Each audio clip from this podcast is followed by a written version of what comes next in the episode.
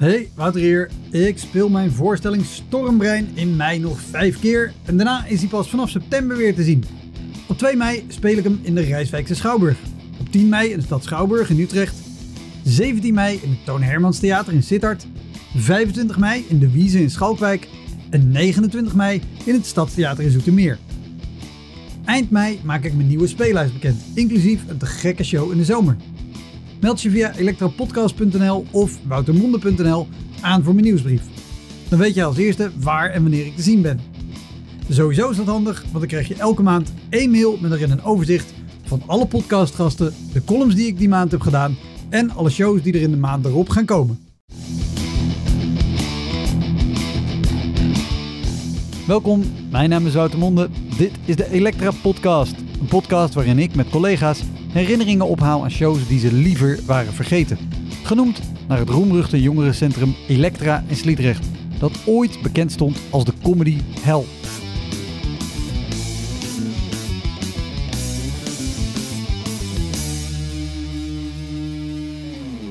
Mijn gast is deze keer Jochem Meijer, komiek. Dus hadden die teringlijst gedaan. Ik had de tweede show. ik moest op een gegeven moment wisselen. Ik had een soort tap act in het begin bij JH. En daarna moest ik wisselen naar normale schoenen. Um, en dan ga ik natuurlijk daarna weer heel snel door. Want mijn tempo is natuurlijk hoog. En toen hebben ze precies dezelfde schoenen. Maar twee maatjes kleiner hebben ze op het podium neergezet. Maar het, ik zit zo in mijn systeem als je dat al 200 keer gespeeld hebt. Dus ik, en ik dacht, hé, hey, wat is er nou aan de hand? Maar ik bleef maar doorlullen. En ik had ook niet in de gaten dat ze kleiner waren. Dus... In 1997 won Jochem het Groninger Studenten Cabaret Festival. En hij is vanaf dat moment uitgegroeid tot een van de allergrootste namen in de Nederlandse cabaretwereld. Heel veel plezier. Dit is de Elektra Podcast met Jochem Meijer.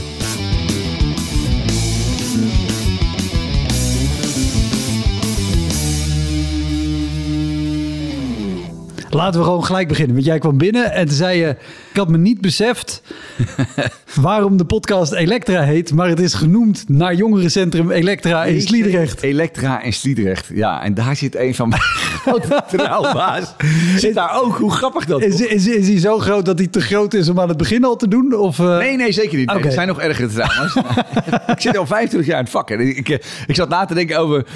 Wat heb ik eigenlijk meegemaakt dan? En toen opeens, nou ja, alsof een soort beerput die ik helemaal dicht had gestopt. Alle sloten heb ik eraf gehaald. Oh shit, ik heb wel heel veel dingen meegemaakt, ja. Nee, Elektra, ja, dat... Oh man, ja, dat... Ik, ik heb de theorie erover, want ik, heb, ik, ik begreep nooit waarom Elektra zo'n zo'n zo erg is. Maar de theorie is, er zit een gekkenhuis vlakbij. Dat is het hele ding. Dus ik heb helemaal uitgezocht wat er nou is met JC Elektra Sliedrecht. Vlakbij Sliedrecht is een gekkenhuis. En dat gekkenhuis, dat, uh, omdat hij terug moet komen in de maatschappij, wordt ja. die tussen het publiek daar geplaatst. Dus die, uh, die mochten daadwerkelijk gewoon daarheen uh, om ja, leg maar weer te wennen aan de maatschappij. En dat maakt dat altijd gekken zaten in JC Elektra. Maar dat wisten wij niet. Dus als jij in Elektra stond en had je altijd inderdaad praters, benden, hele benden. En dacht je, hoe kan dat nou? Maar er waren gewoon mensen die gewoon zo, zo, gek als de deur waren. Eigenlijk gekker dan de comedian of de cabaretier. Dus vandaar dat je altijd op je mail ging daar. Dat is de reden waarom JC Elektra Slieder altijd zo heftig was. Maar afijn, ik, 18 jaar Net drie weken het Groningen Cabaret Festival gewonnen. Ik werd er geboekt in een dubbelprogramma met Robert Brouwer. Toen al wat bekender. Toen al wat, uh, die heeft meer scholenvoorstellingen nu. Ja. En ik stond voor de pauze en hij stond na de pauze. En hij was vrij ervaren.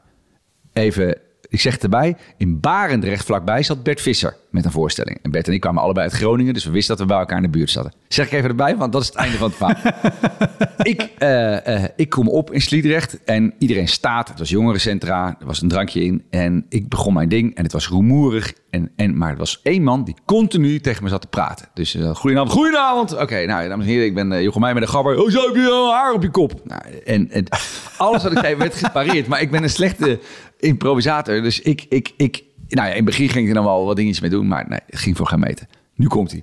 Toen had ik een heel slecht dingetje als uh, altijd neemt kortjakje wiet midden in de week, maar zondag niet. Waarop die man daadwerkelijk het podium opliep en mij een joint gaf. Ik heb wel wiet. Moet jij niet... En, en ik was zo verslag. Want ik kan me gewoon echt niet wel. Want die man was grappiger dan ik. En het was zo ellendig. En, ik, en toen heb ik letterlijk gezegd: nee, dank je. En toen ben ik zo naar, het, uh, naar het, uh, mijn keyboard gelopen. En mijn eindnummer, Kip met Brie was al mijn eindnummer. Heb ik gewoon mijn eindnummer ingezet. Dus ik denk dat ik na 9, 10 minuten al gewoon Eh, ja, ik dacht, ik, ik, ik, ik kreeg een soort nee, van als dit het vak is, dan En je zou het drie kwartier doen. Ja, ik zou zeker drie kwartier Ja. of een half uur in ieder geval. Maar ik ben gewoon, na, na tien minuten heb ik gewoon, na, heb ik gewoon mijn eindnummer ingezet. Totaal in paniek van het podium afgaan. Ik geloof dat het echt de enige keer is dat ik echt totaal in paniek van het podium af ben geweest. Eh, tranen met tuiten.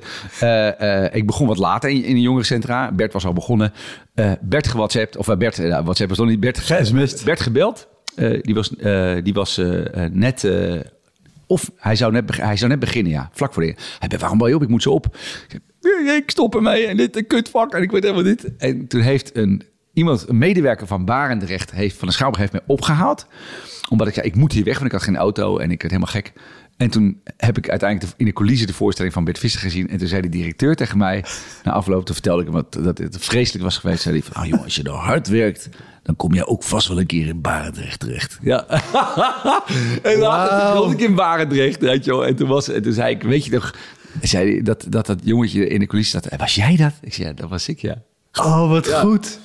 Oh, weet, je, weet je wat ik... want dit, sowieso is het een goed verhaal, want dit is exact waarom ik Elektra gekozen heb als naam. Omdat het zo'n iconische plek is. En zoveel mensen er hebben gestaan. Want jij hebt er gestaan. Pieter Derks heeft er eh, ook gestaan. Die heeft erover verteld. Guido Wijs heeft er gestaan. Pieter Jouke. Roykers Kamps en Kamps. Heel veel comedians ook. En vol- volgens mij heeft iedereen er wel zo'n soort verhaal bij. Maar ook, ik heb er eh, vorig jaar een, hebben we een kleine mini-documentaire gemaakt over waarom dit zo'n bijzondere plek is. En ook het feit dat iedereen, wat Pieter Derks bijvoorbeeld, die vertelde, die deed een try-out, zijn laatste try-out voor de première van zijn eerste show. Ja, En die zei, ik kon de technicus op een gegeven moment gewoon niet meer zien, want het stond er zo blauw van de rook. ja dat ook inderdaad. Oh. En, toen waren we, en toen waren we er aan het filmen en zei ze, ja, kun je misschien dat, dat van het roken en het blauwe, kan dat, kun je dat eruit laten zien? Maar dat was, dat was het ding. Dus dat er bij jou iemand daadwerkelijk het podium opspringt met een joint. Ik heb, ik heb Joyce gewoon niet luisteren. Oh, ik krijg nog, ik, ik, ik- ja, ik krijg nog kippenvel. Als ik dit, goh, was ik verdrietig. En toen was die Robert Brouwer, hoorde ik later, daarna, die brak de tent helemaal af. En toen, eh, eh, ja, nou ja, dat eh, heb ik ook nog herinnerd. Dacht van, hoe, hoe ga ik dat ooit voor elkaar krijgen dan?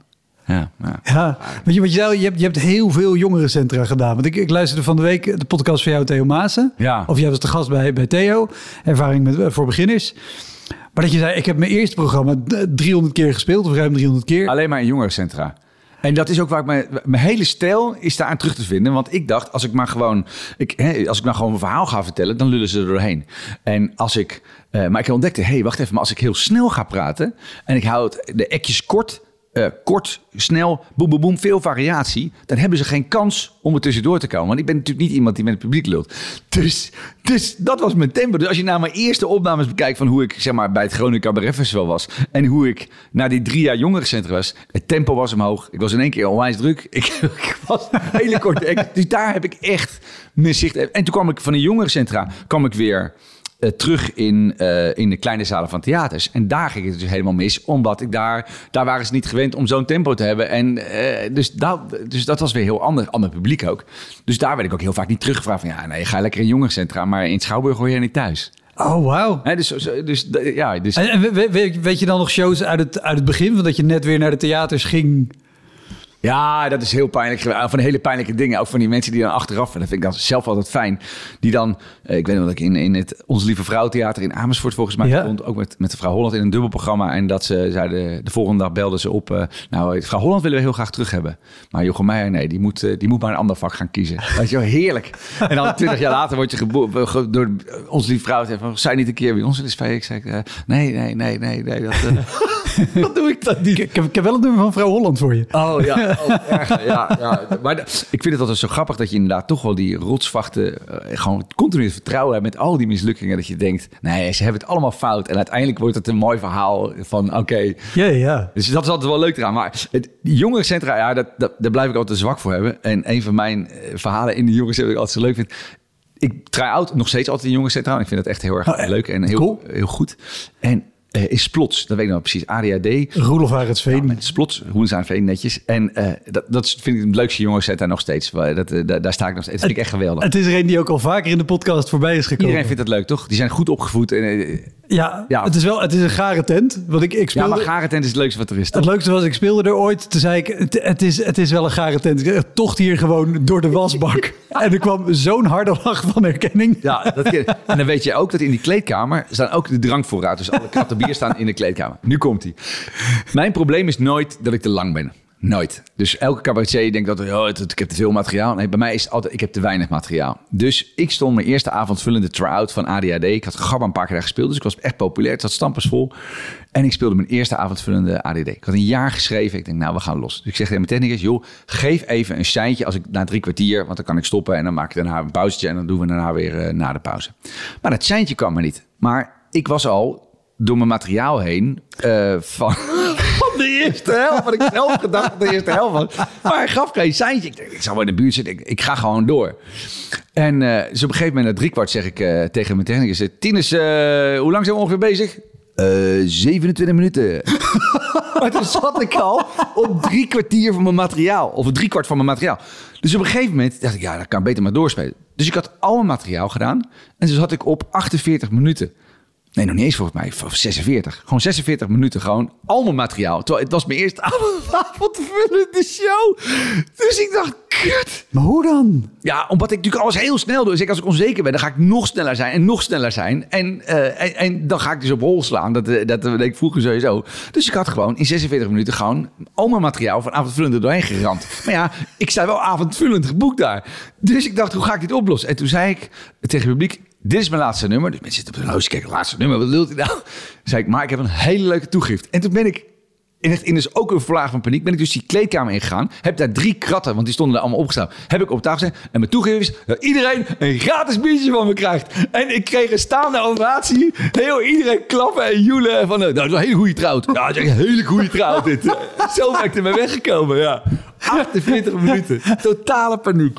En uiteindelijk is ADD van twee keer 20 naar twee keer 25 naar twee keer 34 gegaan. ADD was maar twee keer 34.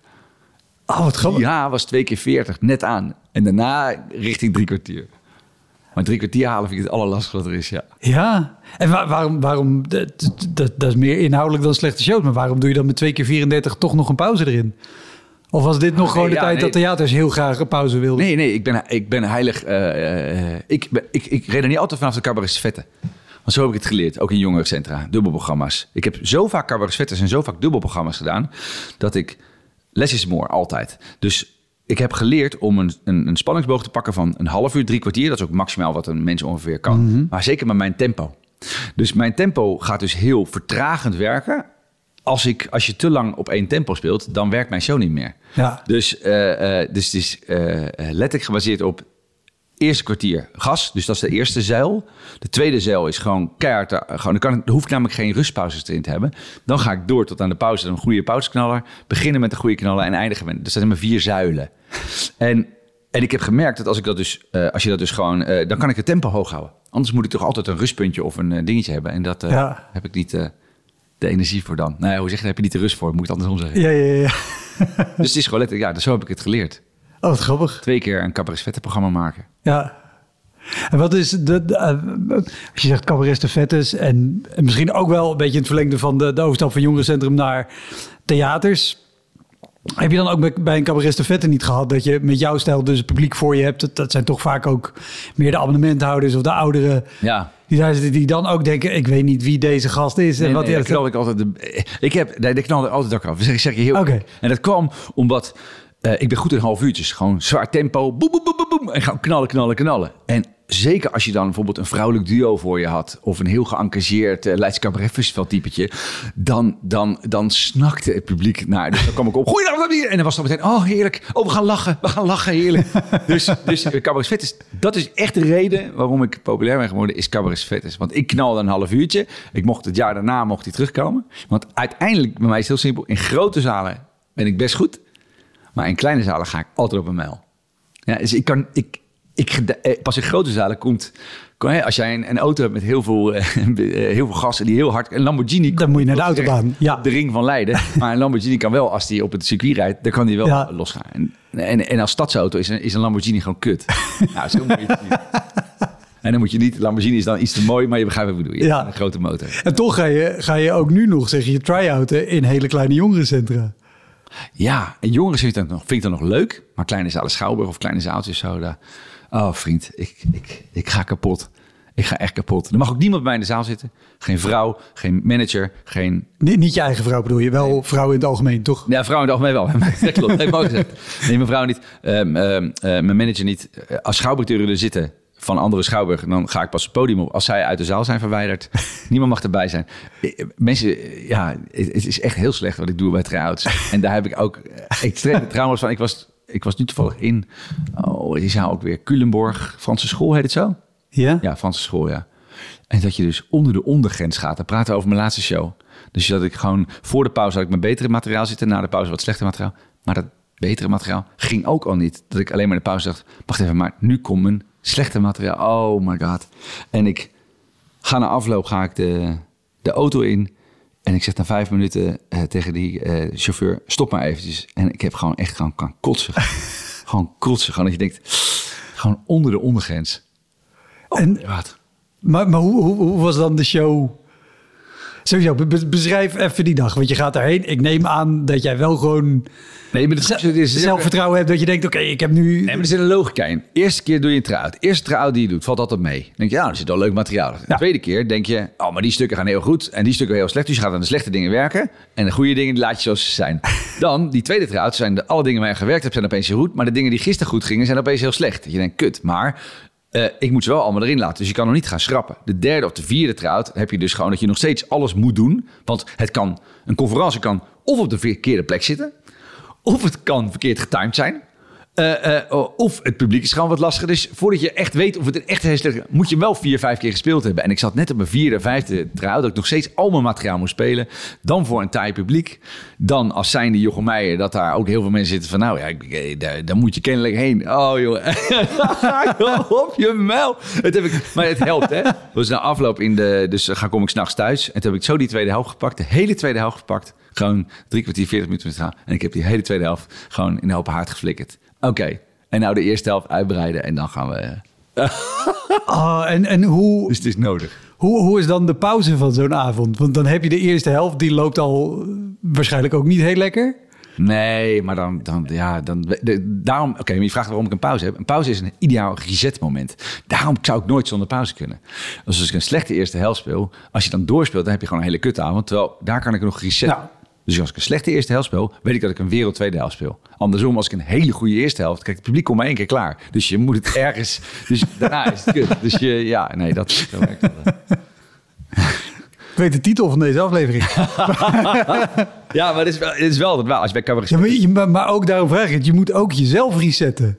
Je moet wel nadat je 35 minuten... Ik bedoel, Ja, dat lukt. Maar Eh, dat lukt toch altijd wel? Ja, dan, dan heb je toch een soort raar zelfvertrouwen van... Ah, kom goed, maar je even concentreren. Nu even... Want, want daar ben ik dan wel benieuwd naar. Ik bedoel, jij staat natuurlijk normaal gewoon in grote zalen waar mensen helemaal uit hun dak gaan. Want die zijn blij dat ze überhaupt een kaartje hebben kunnen kopen en dat het niet uitverkocht is. Ja.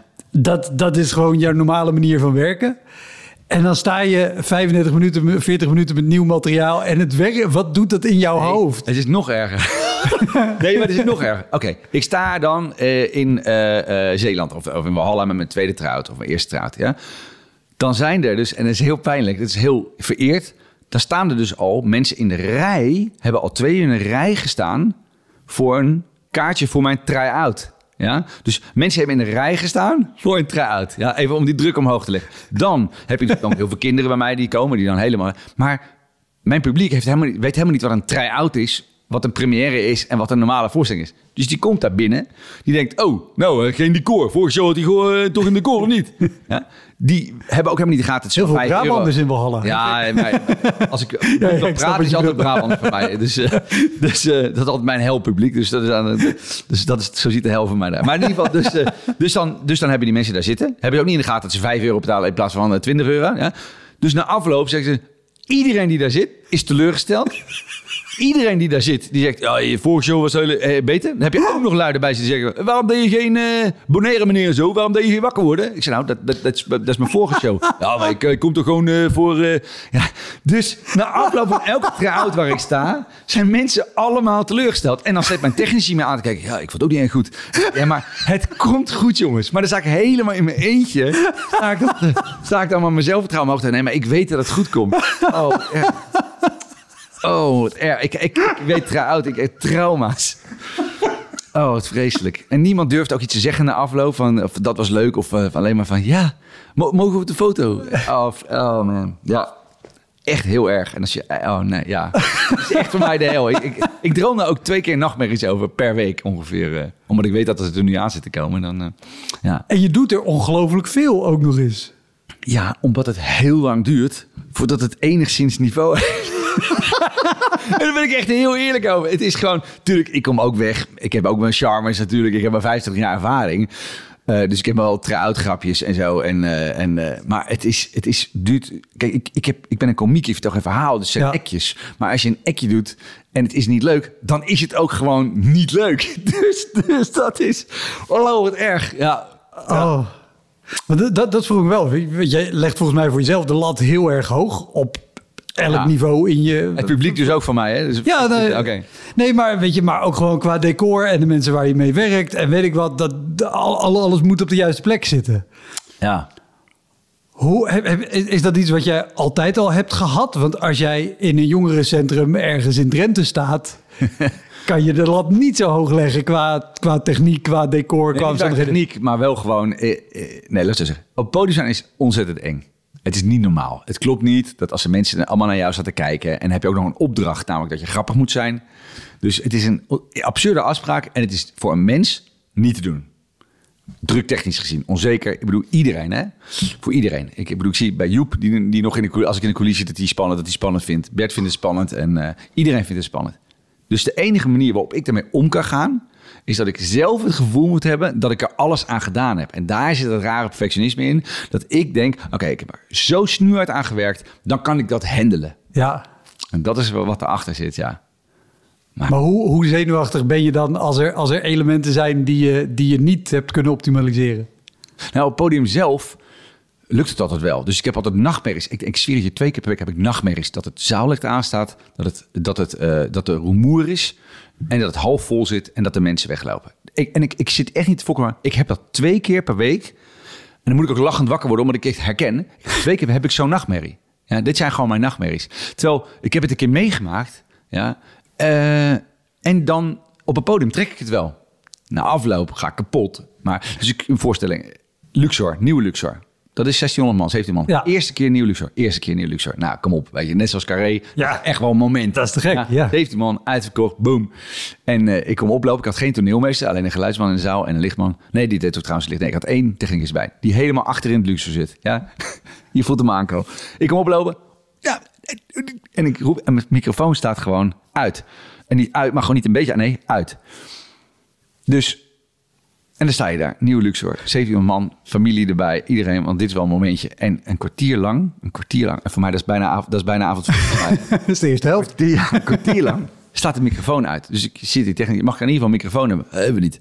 Mijn technicus moet dus helemaal naar voren lopen om te kijken wat er aan de hand is. Nou, was, het was uiteindelijk een kabelbreuk, maar kom daar maar eens achter. Ergens een kabelbreuk is. Dus, dus ik heb een kwartier lang met de En, en dan, dan eh, de kabelbreuk tussen Ja, waar- de, de kabel van het podium af, zeg maar. Die ja, dus hij heeft uiteindelijk na een kwartier iets gedaan wat totaal niet Ja. logisch was. Maar doordat het niet logisch was, was het heel per ongeluk goed gekomen. Er zit er ook nog een geluksfactor bij. Maar ik moest dus zonder microfoon, zonder iets van versterking, 1700 man in Luxor, een kwartier lang, de eerste kwartier, wat het meest essentiële van je hele show is, moest ik dus gaan improviseren. Want ik kon niks doen, ik had geen gelijk. Dus toen ik heb ik een hele harde stem, dat scheelt. Dus ik heb nog wel enigszins, eh, nou lekker dan, dit, dat. En, en nou ja, ik, ik, ik, en dat lukt dan. Maar ik, als ik eraan terugdenk, ik krijg echt pijn, zo'n pijn in mijn buik. Dus dat is wel het grappige. Je droomt erover, maar als het gebeurt, dan lukt het altijd wel. Ja, oh, maar dat is ook wel een hele heftige... ik, ben- ik, Fuck. Ja, ik, eh, als ik dit zo niet vertel, Ja, ja. ik meteen weer alles kriebelen en pijn en allemaal pijn en trauma's. Je brengt echt trauma's naar boven. jou. Jezus. Zo heftig. Ja, dat zijn dus een beetje de trauma's. De trauma's zijn dus één, dat je geluid het niet doet. Dat is voor mij heel belangrijk. Ik ben natuurlijk een, ik ben licht, licht autistisch spectrum. Dus als er lawaai is, dan zou ik ook, niet tegen. Uh, dus ik heb wel eens gehad... Uh, oh ja, dat al, heb ik heel veel collega's verteld. Maar je hebt natuurlijk ook wat spastische mensen vaak in de zaal zitten. En die lachen altijd een seconde later. Dus dan is het gewoon grap. en dan je... achteraan. En dan weet je, oké, we hebben een spastische iemand. Is hartstikke leuk. Dus dan moet je een paar keer roepen van... joh, heb je het naar je zin en dan is het eruit. En dan af en toe is het grappig, af en toe is het heel vervelend. Maar daar kan ik goed mee omgaan. Ja. Maar dat zijn natuurlijk ook heftige dingen. Trouwens, daar gesproken. Jaap Mulder heeft natuurlijk ook cabaretier. Ja. Die, die was, heeft dat ook een keer meegemaakt. Dat gewoon uh, meerdere spastische mensen waren. Maar het is wel fijn als je het van tevoren weet. Want anders... Ja, ik zei, en die zei op een gegeven moment... was ergens in een boerendorpje. En die was er zo klaar mee. Dat zei, jongens, dat jullie boeren zijn, oké. Okay, maar je je koeien ook hebt meegenomen. ja, dan is gewoon meteen zaallicht aan. Iedereen loopt weg en uh, botte lul. Maar hij begreep niet waarom niemand die grap leuk vond. Oh, jongens. Oh, wat erger. nou, dus er zijn mannen die ergere trauma's hebben. Ik bedoel, het verhaal van Lebbes Jansen ken ik of niet? Dat is het beroemdste verhaal. Welke? Het verhaal van Lebbes en Jansen. Van die man op de eerste rij. Heeft nooit iemand dit verteld aan jou? Nee, ik zit nu heel hard te graven. Want, want, want Lebbes en Jansen zijn allebei geweest. Maar ik... Hebben ze dit verhaal nooit verteld over die man op de eerste rij die in slaap viel? Ik kan het me niet herinneren. maar en al hebben ze het wel verteld. Het er lekker uit, maar dat is voor mij altijd het traumatische verhaal. Er zit, uh, ze zitten samen lekker de oudejaarsconferentie te doen. En er zit een man op de eerste rij te slapen. En die ligt helemaal gewoon. En ze denkt, nou, wat krijgen we nou? Dus, dus op een gegeven moment met gebaren, hinsgebaren, wijzen ze aan van, joh, man, eerste rij, slapen, weet je wel. Dus iedereen lachen. En, ze, en, en voor mij of loopt naar beneden toe en die zegt boe tegen die man. En die man schrikt op en op dat moment zien ze een rood-wit stokje op zijn schoot liggen. Die man was gewoon blind. En zat gewoon te luisteren. maar dan krijg je dus kortsluiting. Want dan denk je, hoe kan ik dit oplossen? Hoe ja, ja, ja, ja, ja. Dus dan krijg je een soort kortsluiting van haha. En dan ga je maar weer door. Maar in je hoofd denk je, wat ben ik ontzettend. En die blinde man, jij hartaanval van... Oh, wat verzin. Dus er zijn wel ergere dingen dan ik heb meegemaakt, ja. Ja, oh. Ik, ik heb het zelf ooit gehad uh, in Breda bij, bij een tent. Hele leuke comedy shows. Daar zat een man op de eerste rij met een vrouw naast hem. En die zaten de hele tijd te praten. Maar die zaten echt gewoon in het midden, rij 1 ook. Oh, nee. Dat ik op een gegeven moment ook wel daar iets over zei. En toen was ook zo, ja, maar hij is blind, dus ik vertel wat je aan het doen bent. Oh. Maar die hele zaal, maar het is een heel trouw publiek. En die hele zaal zat ik echt zo, ja, dat is Gerard, die komt elke maand, die is blind. Ja, dan weet je dat. had even ja. Had dit even gezegd, dan had ik het geweten. Ja, maar soms, dat zijn natuurlijk ook de dingen. Hè, dus dat is ook een van de trauma's. Dus dat je altijd eh, met de Maar ook een van de dingen is altijd dat je altijd gefocust bent op die eerste rij. Omdat het de enige rij is die je ziet. Dat weten heel veel mensen niet. Maar wij zien maar één rij en dat is de eerste rij. Of je moet onder de lampen doorkijken. Zie je misschien rij 2, 3. Maar voor de rest. Dus, en, en dat zijn zuigers. Dat heb je vaker gehoord. Dat zijn zuigers. dus als er iemand gek zit te doen daar, dat zuigt al je aandacht. Alles, alles gaat daar. Dus ik heb ook wel eens een mevrouw op de eerste rij, die, die, uh, oudere mevrouw, die echt alleen maar eh, mij zat aan te kijken alsof ik, uh, wat, of, alsof, alsof ik niet verstond wat ik zei. En ze heeft geen seconde gelachen, die hele avond niet. En nou ja, ik, ik in de pauze was ik al des duivels op mijn technici, kan je niet weghalen. Maar ik, ik, ik kan die gewoon niet spelen, weet je Het is gewoon niet te doen. En, en na afloop, kom ze op mijn afloop. Ik denk, nou, nou ga ik het krijgen. Nou gaan we het krijgen. En ze kijkt me strak aan en zegt ze, leuk show die ik ooit gezien heb. dus soms zegt het ook helemaal niets, weet je. Dat je denkt, tering. Ja. Oh, ja, ja, ja. Ah, ja, ja. nou ja, het is... Uh, ja, nou ja. Want, want we, we, kwamen hier via de, uh, via de mensen in de zaal uh, met spasme. En toen, toen raakten we op Jaap Mulder en, en andere nee, dingen. klopt. Maar de spasmus is... Eh, eh, maar eh, we, we hebben het ook over al je trauma's. Maar mijn grootste trauma, die moet ik ook even kwijt. Ik kan niet, oh, het is ook therapie. Ja, ja, ja, ja hoor. therapie. De, de, de grootste trauma... Heerden. Heerden zit midden in de Bijbelbelt. Uh, ja. En uh, daar boekte ze zes cabaretvoorstellingen per jaar. Donkey Shocking, Ivo de Wijs, uh, Jasperina de Jong. Uh, nou ja, en, en, Cabaret met de kaas. Als Dorrestein, juist. En, en dan één jonge cabaretier. Eén, hè, gewoon de nieuwe generatie. Ja, dus ik stond bij een van die dingen en het publiek was daadwerkelijk gewoon Stichting Zonnebloem. Het was allemaal boven de 70, 80, kwam met looptrekkers binnen. Dus ik dacht al, oh my fucking god. Maar mijn technicus zei, nee, gewoon je voorstelling spelen. Ze weten dat je jonge cabaretier bent, kom goed, no worries. Ja. Maar ik begon mijn ding al met een rookmachine. Vond mooi, weet je wel, een beetje rook erin, klank. En dat was natuurlijk een beetje mijn, wat ik van jongerencentra geleerd had. Want die hadden altijd rookmachines. Dus ik deed dat, dat rookmachine aan. En ik sta in de coulissen te wachten. Nou, je weet, als je een één hebt, dan krijg je gewoon 10 minuten. En dan ga je gewoon in de coulissen staan. En dan hoor je wel wanneer het begint. En op een gegeven moment voel ik een Nou, ik, ik hoorde mijn beginmuziek, hoorde ik al aan de beginmuziek dat, dat ik over één, twee minuten ging beginnen.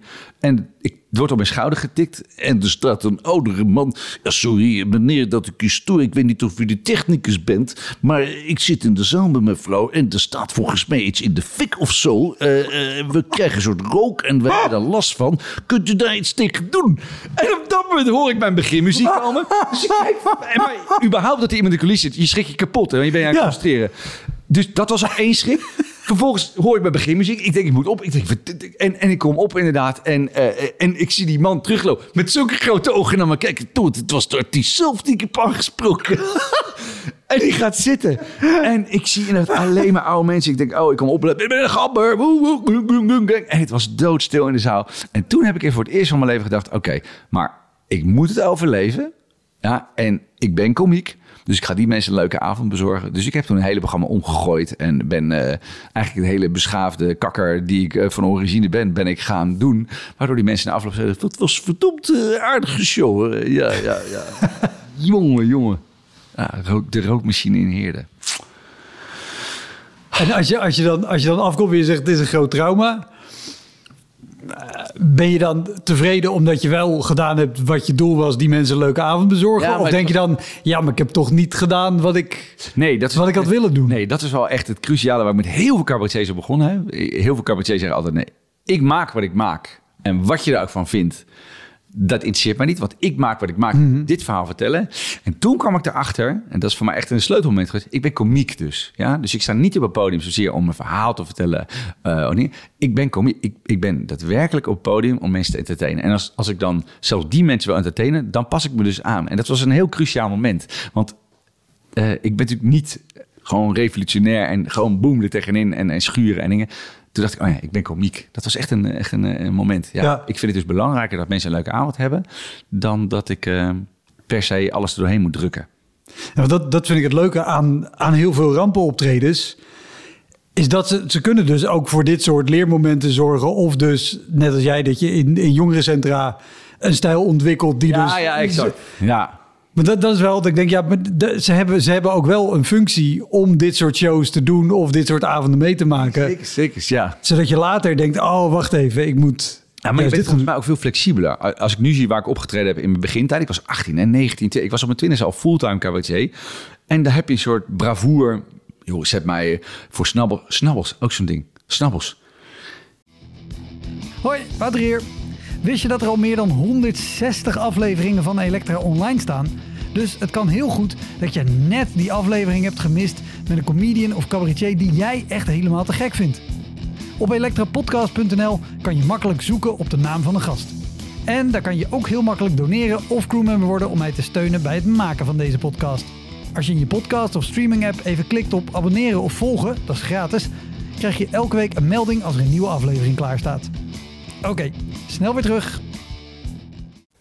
Nee, ik heb te veel trauma's. Ik, ik, ik ben 19 jaar. De, de geheugenkaarten zijn helemaal leeg. dus eh, ga, vooral door. Exact, sorry. Nee, nee ik, ik, ik, ik, eh, ik had mijn eerste snabbel. eh een psariaat had het geboekt in de Martini Plaza in Groningen. En iedereen stond in dat grote podium. En ze hadden bij mij ontdekt opkomst van een stand-up comedy. Nee, we zetten gewoon een barretje, gewoon een klein dingetje neer en een microfoontje. En dan gaat meneer stand-uppen. Maar ja, ik ben natuurlijk iemand, ik ben geen stand-upper. En ik kan niet met een microfoon omgaan. Ik, heb ook een, ik wil altijd terugvluchten achter mijn piano. Dus een soort pianootje op dat podiumpje gevrot. Iedereen zat lekker in de grote zaal naar mijn collega's te luisteren. En ik zat dus in een barretje. En stand-up comedy wist nog niemand. Dus iedereen zat aan de bar. Tussen mij en de bar was ongeveer 15 meter. Dus niemand zat...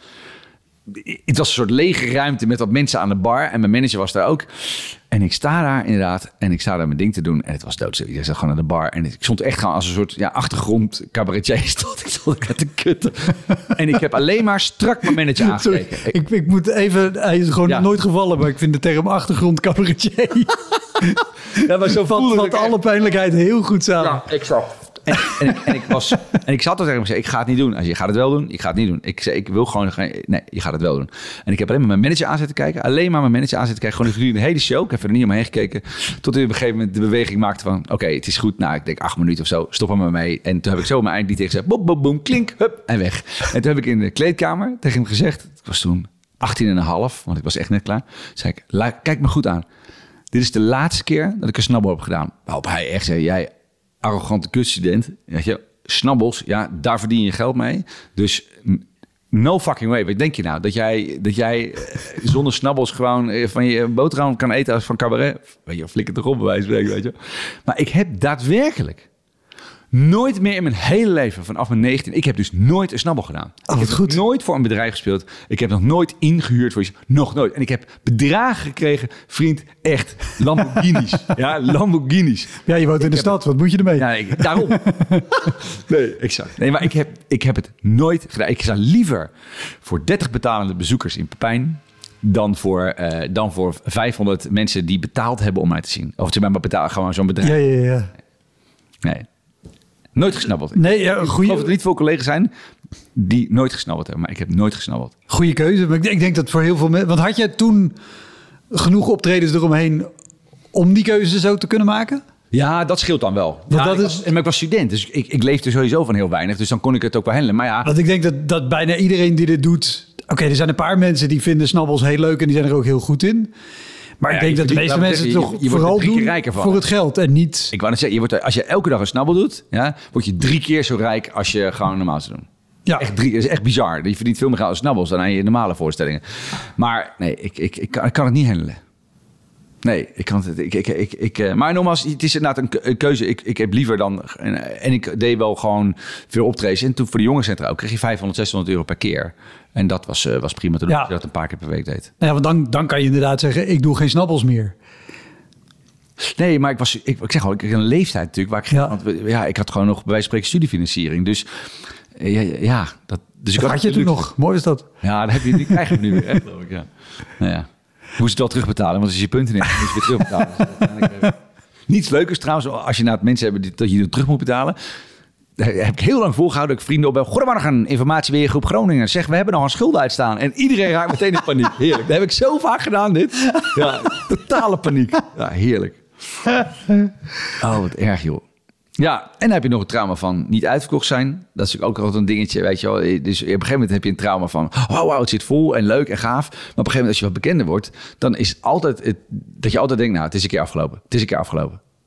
En dat is ook altijd een dingetje wat je niet... Ik knik ja alsof ik weet wie het over hebt. Nee, maar- nee, maar dat is altijd wel grappig. Dat in het begin, als je natuurlijk altijd op een gegeven moment, als je heel lang uitverkocht bent, dan is het, dan is je altijd, het is een keer voorbij. Het is Ja. een keer voorbij. Dat is dan, dan je trauma, iedereen. hè. Dus op een gegeven moment kwam ik in Dordrecht aan en eh, ik zeg tegen mevrouw van eh, de laatste show ook. Dus eh, toen was eigenlijk al gewoon alles uitgekocht, heel snel ook al. En ik kom bij de kassa aan en ik zeg, ja, kom nog even mijn kaartje teruggeven van mijn impresariaat. En nou, zegt ze, zit bijna vol, hè? Zit bijna vol, gefeliciteerd. En ik zei, ja, en, ik, en, en dan krijg je dus weer, eh, bijna vol bedoel je? Nou ja, ik geloof, even kijken.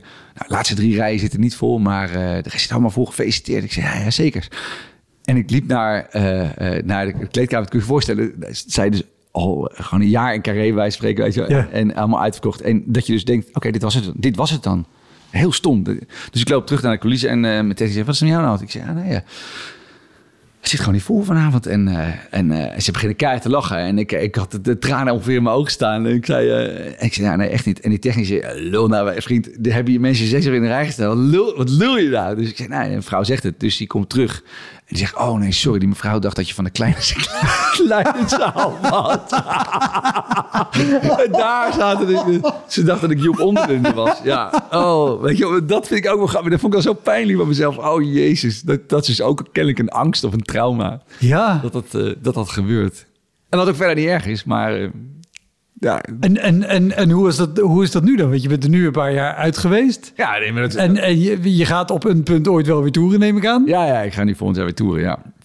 Nee, dat is maar, maar ben je dan nu al bang dat er dus, dat er dus wel een avond tussen zit? waar- Nee, want ik geloof heilig in... Het zou eh, een gekke flashmob zijn om dit gewoon nee, allen want- afspreken. want keihard weggaan. Iedereen in Gorkum, we doen het gewoon niet. Bekijk het maar. We gaan, jongens, hou, hou uit. Ah. Nee, want ik geloof heel erg in het feit dat je het altijd op de bühne moet doen. Dat heb ik altijd gedacht. Ik heb geen makkelijke weg gehad. Ik bedoel, Bert Vis heeft de ergste weg gehad. Maar ik heb ook geen makkelijke weg gehad. In de zin van, ik zat bij een klein impresariaat. Recensenten mochten me niet hebben. Impresariaten, de grote impresariaat vonden me niks. Dus ik heb echt als een boeldog altijd zitten werken gewoon. En letterlijk altijd gedacht, oké, ik sta nu voor 20 man. Maar de volgende keer sta, sta ik er voor 40. Want hebben ze tegen een buren gezegd, je moet mee. En dat zeg ik altijd tegen jonge cabaretiers ook. Weet je, je doet het op de vloer. Recensies, fuck it. Weet je wel, impresariaten, fuck it. Jij moet zorgen, elke dag, of je nou in Delcel bent of waar je ook staat, ook voor 10 man, je moet zorgen dat de volgende keer 20 man zitten. En dat is je missie, altijd. Ja. Dus ook bij zo'n laatste show, je bent zo goed als je laatste show, mensen hartstikke blij. Maar uiteindelijk als ik een kutshow maak, dan zit het de volgende keer niet meer vol. Ja, de, en, zo, en zo hoort het ook te zijn. Toch? Ik denk het wel. Maar ja, dat, dat neemt niet weg dat je dus dan ook de angst hebt. Wat nou als, als vanavond de kutshow is? Waar het stopt. Als, vanavond, als die nieuwe show dan de klote show is. Ja, nou, niet, niet, niet, niet eh, het hele programma.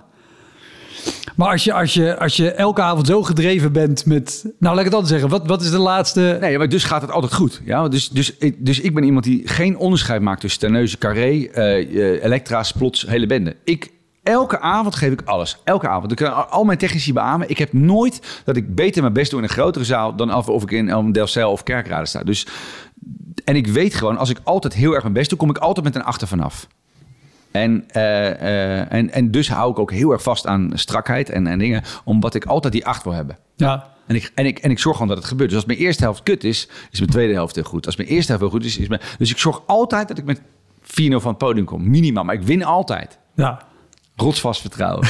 nee, ja, maar letterlijk ook om die reden. Van, mensen moeten altijd weggaan met niet... Het was een leuke avond. Nee, holy shit. Dit moet ik morgen bij de... Eh, Eigenlijk wil je morgen altijd... Mensen komen op kantoor, komen bij de koffie. Wat heb je gisteren gedaan? Nou, ik ben naar eh, Wouter geweest. Of ik ben naar... Die ken je niet? Ah, moet je maar eens kijken. Dat Ja. is wat je moet hebben. Ja. En niet, het was een leuke avond. Een leuke avond, dat, eh, daar zijn de grachten in Leiden mee gedempt. Dat, eh, niet. Nee. Je zei aan het begin, eh, Brabant, eh, de- de- je zei met Guus steeds een Brabants accent. Want dat, dat is het Brabants publiek, Ja, dat is bij de hel. Brabantse, Brabants, mijn Brabantse mensen kennen het woord, begrip retorische vraag niet. Dus een Brabant... Echt niet? Nee, nee. Dus als ik in Brabant ben... Als Er was er. Goedenavond, dames en heren. dat was echt een goeie. Ja, dat was een goeie. Dat klopt. Nee, ja, als ik... eh, Jij zegt als cabaretier, heb je wel eens dat je... En in Brabant hoor je... Ja, heb ik ook! Ja, vriend, ik ben gewoon... Weet je, laat maar gewoon praten. Ja, maar ik heb in Brabant... eh, Dat is gewoon... Iedereen zijn trauma's. Eh, ik heb het natuurlijk wel vaak met de collega's over. Theo bijvoorbeeld en Ronald en Henry, die vinden Brabant geweldig. Eh, die vinden Limburg weer heel moeilijk. Want die komen ook uit Brabant, dat scheelt Ja, denk ik ook. dat scheelt ook wel misschien. Ik vind alles leuk. Dus ik vind, ik vind Den Helder en Hoorn zijn topzalen. Theo vindt dat echt de hel. Eh, eh, eh, maar Bert en ik zitten nog mee. meest- We hebben alle randjes. Dus bij mij is het gewoon letterlijk Delfzijl, Stadskanaal, Emmen, Enschede. en dan gaan we naar, naar Venray, Venlo, eh Remunje, Roermond, Kerkrade en Sittard en zo. Dat zijn echt mijn zalen. En dan heb je aan de andere kant Zeeland. eh nou, de Randstad sla ik even over. Rand, de Brabant sla ik even open. Utrecht sla ik over. En dan Flevoland. Dus eigenlijk de buitenprovincies. Dat is echt mijn... Daar, daar ga ik juichend heen. Ja? Ja, en Brabant eh, vind ik, en dan moet ik ook verschillen. West-Brabant is top. Dus Tilburg-Breda is strik. Maar de Bermuda Triangle is eh, Den Bosch, Eindhoven, Ude, Os. Eh, ja, dat is, dat is voor mij echt, dat, dat is, ja, dat... Publiek is daar gaat het niet om, maar daar, daar, krijg ik nooit de boel los. Wat grappig, want, want juist bijvoorbeeld eh, Zeeland en meer aan de kust... of juist eh, Noord-Holland, of de kop van Noord-Holland... Ja. zijn veel mensen, en ik heb het zelf ook wel gehad... die daarover zeggen, aardige lui, maar stug. Of die dus wel Grappig, hè? je stil aankijken en na afloop zeggen... topavond gehad. Ja, ja. Ja, en ik heb het echt... eh, neem ze bij- Uiteindelijk krijg je ze wel gewoon waar ik ze wil hebben. Dus dat lukt wel, maar... Ja. Oh man, oh man, oh man. Wat, wat, is de, wat is de ergste ervaring die je in Brabant hebt gehad? Zeg, maar gaan we, ik ga meteen geen lucht krijgen weer. eh. ja, je hebt natuurlijk ook die, eh, die Brabantse... eh, oh, wat is een ergste ervaring. Oh jongens, waar niet? Of eentje die, er- die eruit springt of een theater waarvan je als je hem in je speellijst ziet staan denkt... Ja, maar Oké, die, mensen, die komen, ja, maar die mensen komen... Kijk, Brabanters komen voor de gezelligheid. Ja? Die komen niet zozeer of voor jou of voor mij. Die komen eh, om elkaar te zien. Hey, eh, Joop, eh, Geert, gezellig man, nou doe je. Dus na afloop ook, ja, dat is één grote, één grote ding. En altijd standaard, ook zo standaard in, in Brabant altijd. dus, want het is namelijk het leukste plek om te zijn na afloop van een show. Is Brabant echt het leukste. Dus laten we duidelijk zijn. Ik bedoel, het zijn natuurlijk hele Burgondische mensen. Dus ik hou er heel erg van om erheen te gaan voor na afloop. Maar na afloop is altijd, hey Jochem, hey Jochem, kom maar eens hier. Kom maar eens hier altijd. Weet je? Dus ik, het is altijd heel brutaal. En ik ben natuurlijk gewoon een achterhoeker. Ik doe, doe maar gewoon nuchter en rustig. Kom, kom maar eens hier. En dan gaan ze een mop vertellen. En zeggen, kun je, kun je gebruiken hè? En, en het gebeurt altijd in Brabant. Hey, ons pa kent een goede mop. Nou, oh man. En ik betaal je geld hè Jochem. Hey, ik ga geld betalen als je een nieuwe show komt. Ja, ja, ja. Helemaal goed. Ja, ja. En ik ben natuurlijk na afloop van shows, ik had geen auto, dus ik bleef altijd na afloop slapen eh, bij het publiek. Dus ik zei altijd na afloop van, de- van de avond, eh, zei ik altijd bij de toegift, voordat ik een toegift doe, is er nog iemand die een logeerplekje voor mij heeft? Want ik woon in Groningen, ja, ik kon nooit terugkomen. Dus ik heb in Brabant ik ook echt eh, hele baganalen na, afloop meegemaakt. Dus ik was, en het, het gekke was, ik was het eerst populair in Brabant. Dus mijn eerste volle zalen zaten in Brabant. Dus het is ook een beetje haat-liefde verhouding. Ja. Oh, en heb je dan... Er moet een avond tussen hebben gezeten dat het gewoon niet ging in het begin. En dat je wel bij mensen moet blijven slapen. Ja, Dan, dan, ben je een keer s ochtends bij het ontbijt gekomen met hey. Het zit hem in die flexibiliteit. Nee, maar het zit hem echt in die flexibiliteit. Uiteindelijk kom ik met mijn charme. Na afloop kom ik wel een eind weg. Want ik zit natuurlijk altijd bij het publiek. Ik ben altijd in de foyer. En dat vinden de mensen natuurlijk leuk. Dus dan praat je met ze. En dan kan ik alsnog zo'n avond nog wel repareren of zo. Door heel veel foto's te laten doen. En, eh, en heel lief te zijn. En, nou ja, dat soort dingetjes, ja. Ja. Maar ja, het zijn gekke, het zijn gekke dingen. Ik, heb, ik moet, kijk, check nog heel even, sorry. Want ik heb mijn trauma's gewoon allemaal op papier gezet. Ja, nee, hartstikke Dat goed. ik echt weet dat ik alles vertelde, want dan ben ik het ook kwijt, weet je wel. Eh, oh ja. Ja, nee, ja. De klassieke is natuurlijk, oh jongens. Ja, en wat de twee, de twee leuke dingen zijn, maar dat is altijd zo bij theater, is dat je ehm, eh, die ook nog je technische problemen hebt. Dus die microfoon die uitgaan, et cetera. Maar ik weet niet of je de traditie kent bij je laatste voorstelling van, het, eh, van een cabaretvoorstelling of van een toneelvoorstelling. De, de, de- dan, wordt er wel vaker gefukt door technici, toch? Ja, technici doen een soort grapje meestal van... dan gaan we even één ding anders doen. Dat is een soort traditie in het, eh, in het eh, vak. Maar ik ben natuurlijk gewoon... Ik kan niet tegen verandering, maar moet alles hetzelfde zijn. Dus dat, is heel, dus dat moet dan heel subtiel gebeuren. Want ze weten als er iets... Als het we te groot maken, dan ben ik namelijk van slag. En dan kom ik ook niet meer in de voorstelling. Als het zeg maar uit mijn ritme ben. Dus hadden die teringlijst gedaan. Ik had de tweede show. ik moest op een gegeven moment wisselen. Ik had een soort tap-act in het begin bij JH. En daarna moest ik wisselen naar normale schoenen. Ehm, en dan ga ik natuurlijk daarna weer heel snel door. Want mijn tempo is natuurlijk hoog. En toen hebben ze precies dezelfde schoenen. Maar twee maatjes kleiner hebben ze op het podium neergezet. Maar dat, ik zit zo in mijn systeem als je dat al 200 keer gespeeld hebt. Dus ik, en ik dacht, hé, wat is er nou aan de hand? Maar ik bleef maar doorlullen. En ik had ook niet in de gaten dat ze kleiner waren. Dus ik dacht, van, wat gebeurt er? Dus ik, ik ben gewoon gedurende een kwartier... Heb ik maar, omdat ik dacht van, het kan niet zo zijn dat die schoenen niet passen. Dus tot ik in de coulissen keek en mijn technici echt helemaal gestrekt zag liggen van het lachen. Oh, wat goed. Die dachten van... eh, Holy shit. En dan dacht ik, oh ja, shit, ja. Maar ook niet nadenken, dat kan niet. Ja, dus, dus dat kan niet. Je was toch ook iets wat totaal niet ergens in de mogelijkheden voorbij komt... Nee. dat iemand je schoenen vervangen heeft. Dus blijf je maar proberen. Terwijl je denkt, nee, het past toch echt, past toch echt niet. Oh, en mensen dachten wel een grappige act. En ook met technici. Ja, in Friesland hebben we meegemaakt dat ik op een gegeven moment... Ik dacht, ik moet iets Fries doen. Dat is leuk. Vinden die Friesen leuk. Dus ik had aan die, eh, ehm, aan die eh, hoofdtechniek daar gevraagd. Frans, Frans, eh, kun je voor mij even opzetten hoe je zegt in het Fries... Fonetisch, eh, ik wil graag met je zoenen. Dus hij had dat keurig fonetisch voor mij in het Fries opgezeten. Dus ik kom oplopen. En het was dan de truc dat ik aan het eind van de avond dat meisje inderdaad een, kus zou geven. En, en ik zeg tegen het meisje weer, goedenavond dames, goedenavond. En ik zeg tegen het meisje weer, ik wil graag mij daar stok slobberen. En het werd dood en doodstil. Dus ik kijk de coulissen in. Ik zeg, eh, eh, eh, eh, voorstel, als je opkomt en je denkt, er wordt een wereldgrap en het is doodstil, dan schrik je. Die technicus ligt helemaal in de scheur. Publiek zegt, ik zeg, ik zeg tegen het publiek, ik pak nog een keer briefje tevoorschijn. Ik, ik zeg, ik heb het toch echt goed uitgesproken. En ik zeg tegen maar dat betekent toch, ik wil gaan met je zoenen. En dat publiek helemaal in de scheur. En ik kijk naar links en ik zie die technicus helemaal gevouwen. Dat betekent, ik zei tegen mij, ik wil graag, ik wil je graag pijpen. Zoiets had ik gezegd in het Fries. Vreselijk, vreselijk. Die technicus is met pensioen gegaan nu. En ik, en ik heb dat verhaal ook nog een keer aan hem verteld. Zei, dat is mijn mooiste verhaal. Dat ik, Jochem tegen de meisje eerste rij, ik wil je graag pijpen. Ja. Oh, heerlijk toch? Ja, dat zijn de leuke trauma's toch? Ja, oh, wat goed. Wat, wat ik nog wel dacht, want je zei, je hebt geen snabbels gedaan. Heb jij wel eh, eh, ongetwijfeld ook benefieten en goede doelen dingen gedaan, of niet? Ja, heb ik ook wel gedaan, ja. Zijn er veel mensen die daar dan eh, erge dingen mee hebben? Of? Nou, vooral die willen ook nog wel eens ehm, in, in alle goedheid... Oh, de praatjes voor, voor aflopen. Oh. ja, nichtenvecht, hè. Beroemde verhaal van Joep. De Nicht- praatjes en, en ook de plaatjes. Want als je mazzel hebt, zit er ook nog een diavoorstelling bij om het, Oh my god. om het nog erger te maken. Ja, ja, die praatjes vooraf, dat is natuurlijk altijd pijnlijk. Dat werkt nooit voor gemeten. Want die mensen, ik heb ook heel vaak, ik, ik, ik heb altijd een openingsnummer. En als ze dan die praatjes van tevoren doen, dan, eh dan zeg ik, en Jochem Meijer. Maar ja, ik kom niet oplopen en ga praten. Nee, ik heb een heel, gewoon, eerst komt muziek. En dan staan ze te wachten tot je opkomt.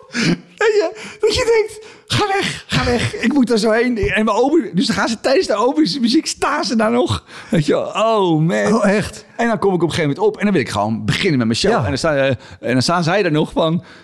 En dan zeg ik, ja, doei. Eh, dan ga ik maar beginnen. Oh, joh, vreselijk. Oh, joh, vreselijk. Oh, ga ik kapot ga ik dan. Oh, wat zijn mensen toch erg. En het is allemaal ijdelheid. Want die mensen willen natuurlijk ook vertellen. En eh, dus ik had ook in, in, in voor mij in, in Heilo, dat ik ook voor de vrienden van de Beun. De vrienden van de Beun. Meneer was van de vrienden, voorzitter van de vrienden van de Beun. En ik had gewoon dat gehuurd dit jaar, omdat ik er wilde spelen. En dat, en, eh, toen hadden ze gezegd, nee, eh, wij boeken zelf. Nee, maar ik wil gewoon in de Beun spelen, want daar heb ik leuke herinneringen aan van vroeger. En ja, we boeken zelf. Nou, prima. Dan euro die bak. Weet je wel. Prima. En eh, het was laatste show, moet je nagaan. Dus ik, ze weten. Maar toen, eh, eh, toen zei ze van, eh, wil je de vrienden van de Beun ook nog bedanken? Want dat is natuurlijk wel de reden dat je hier mag staan. Dus de, de vrienden van de Beun mag je hier staan. En, eh, en die gingen inderdaad ook nog een heel verhaal houden van tevoren. Namens de vrienden van de Beun. Terwijl het hele publiek wat er zat, want ik had mijn eigen ticketsysteem, was nog nooit in de Beun geweest. Was geen enkele, geen één vriend van de Beun was erbij. Dus die zaten ook te kijken, is dit een voorprogramma? Is dit een act? Is dit een ding? Namens de vrienden van de Beun. Ik zal het nooit vergeten, ja. Oh, dan sta je toch ook op te vreten in de coulissen als dat... Nee, tegenwoordig niet meer, want dan moet ik om lachen. Dus dan kom ik op. Goedenavond, dames en heren. Ook namens de vrienden van de Beun. En dan dat, eh, ja, ah joh. Het is ook wel weer schattig. En die vrijwilligers zijn natuurlijk altijd hartstikke lief. En sommigen blijven ook veel te lang in je kleedkamer. En eh, dat, ja, het, het, ik vind het ook wel de charme van... en Zo'n Walhalla in Rotterdam bijvoorbeeld. Dat vind ik dan... een kind niet, niet zo heel lang bestaat het, maar dat, dat, dat ademtheater. Ja. En alles. Dat klopt helemaal. En dat is... Dat is heerlijk. Ik heb ook heel vaak gehad dat ze je niet herkennen. Weet je, ik, ik ging vroeger ook gaan natuurlijk naar jongens zetten om mee te bouwen. Of omdat we... Ik had geen auto, dus dan ging ik met mijn technicus mee. En dan, eh, hoe laat komt de artiest binnen? Zeiden ze dan, eh al daar een hele dag bouwen. ik zei, dat, dat, dat, dat, ben ik. ja, ja, het zijn wel lachen dingen toch? Ik heb ook in Breda meegemaakt over herkenning gesproken. Dat ik dus zo in de grote zaal van Breda stond. En ik kom Ja. binnen en die portier zegt, goeiedag. En ik loop, ik wil gewoon doorlopen. Want ik, eh, ik stond echt in die, in die grote bak. Dat is ook iets van 2000 man geloof ik. En ho, ho, ho, ho. Wie ben jij en wat ga je doen? Ik zei, nou, ik, moet optreden. Dan ga ik even nakijken. En toen ging net die deur op. zei ik, kijk er maar even na. Ik zeg, ik ben weg. Maar je weet, Chassé is een echt niet normaal. De fabriek wordt het Ja. super groot. Heel goed complex. Dus ik was de weg kwijtgeraakt. Dus ik was heel bij aan het doorgelopen. Wat niet des jochoms is, want ik ben echt verre van arrogant. Maar ik had even haast. Ik wilde doorlopen. Ik had geen zin. Dus ik was het kwijt. Toen ben ik dus... Dus ik sprak op een gegeven moment iemand aan en liep. Ik zei, eh, eens vragen, ik ben er weg. Ik moet naar de grote zaal. Let op. Die heeft mij teruggebracht naar de portier. hey, deze meneer loopt hier eh, rond in het gebouw. En eh, die zegt... oh, nee. Dus, oh man. En die man zegt, ja, nee, hij is gewoon doorgelopen. En ik zei, jongens, maar ik moet echt optreden. Uiteindelijk heb ik een boekje erbij gepakt. Ja, eh, oh, ben jij Jochem? Ik zei, ja, ben Jochem. Maar ik zei, nou, ja. oh jezus. Ja, en ook wel weer grappig, want je wordt ook weer lekker met je poot op de grond gezet. Dus eh, deze meneer loopt die zomaar rond. Ja. Erg, hè? Maar ja, Top. dan hebben we wel de klassieke trauma's gehad. Hoewel, van Mike Baudet... eh, nou, ik, ik, ik ken trauma's omdat ik altijd leuk vind... dat andere collega's het he- he- heftig hebben gehad. Van Mike en Thomas, dat, dat verhaal heb je ook wel vast wel een keer gehoord bij de podcast. Geen van beiden is nog te gast geweest. Maar Ja, die moet je ook... Dat is gewoon... Mike en Thomas, was jij en Look, goed duo, Ja, heel populair. geweldig. Ah, spectaculair. En ook heel populair. Dus in Middelburg, zij waren de uitsmijter. Na de pauze, cabarets vetten. Hè? Mike en Thomas, nou gaan we los. En Thomas, die was op weg naar Terneuzen. En die eh, had een lekker band gehad. Maar dat was dus in de... mo- Niet mobiliteit. Dus die was een lekker band. Toen vervangen. Toen naar de, eh naar de eh benzinestation gegaan. Daar heeft hij gebeld van Mike. Het is nu half acht. Ik kom er aan, vriend. Maar ik heb een lekker band gehad. Ik red het voor vijf over acht. Of kwart over acht. Ik ben er. Dus ik ben over een half uur. Begin jij maar alvast. Begin jij maar. slecht plan. Ja, want ik ben er echt op tijd. Dus, nou, prima. Maar daarna kan je normaal met je tele- mobiele telefoon... kun je natuurlijk gewoon, ja, kun je gewoon zeggen... joh, het gaat niet redden. Maar dat Ja, gaat natuurlijk niet. nee. Dus Thomas is gaan rijden en toen begaf zijn auto. Wat is het toeval? Dus die stond weer langs de kant. Maar Thomas, Mike was al begonnen. Dus een volle bak. En Middelburg was trouwens. Volle bak Middelburg. Dus Mike begint zijn eerste liedje die hij solo... Maar eh, jongens, eh, Thomas komt zo aan. Eerste liedje die hij wel solo kon spelen. Tweede liedje die hij wel solo kon spelen. Derde liedje, vierde liedje. En dan denkt, waar blijft Thomas? Maar komt... Die kwam helemaal niet meer.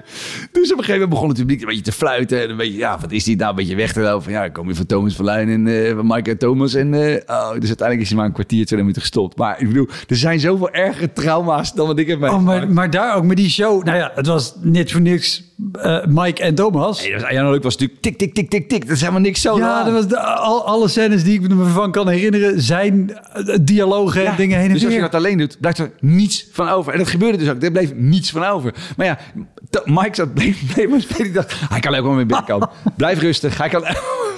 Maar Thomas, die kwam niet meer. Oh, wat erg. Oh, wat erg. Oh, wat erg. Dus daar hou ik me altijd aan vast. Daarom heb ik heel veel van dit soort verhalen verzameld. Omdat ik me altijd vasthoud aan van... Hey, het kan echt erger. Het kan erger. Oh, verschrikkelijk. Heftig, hè? Dankjewel. Thanks. Ik zeg altijd een dankjewel, dan kan ik hem snijden. Tenzij je zegt, ik heb nog een verhaal of weet ik iets wat ik, wat ik Mij, moet eh, vertellen. want Anders, nee, eh, ik heb er te veel, weet je. Dat is mijn probleem. Dat, eh, Nee, nou ja, het enige... Dat is gewoon meer, dat is gewoon meer een interessant verhaal. Het nog even vertellen, is gewoon hoe dat op een podium werkt. Als je op het moment dat je op een podium staat, gaat alles goed. Dus het zijn altijd de trauma's die achteraf of vooraf komen. Maar als je op het moment op het podium staat, gaat het eigenlijk altijd wel oké. Want ja, je, je, je, de storm komt, maar je, komt er wel doorheen. ja.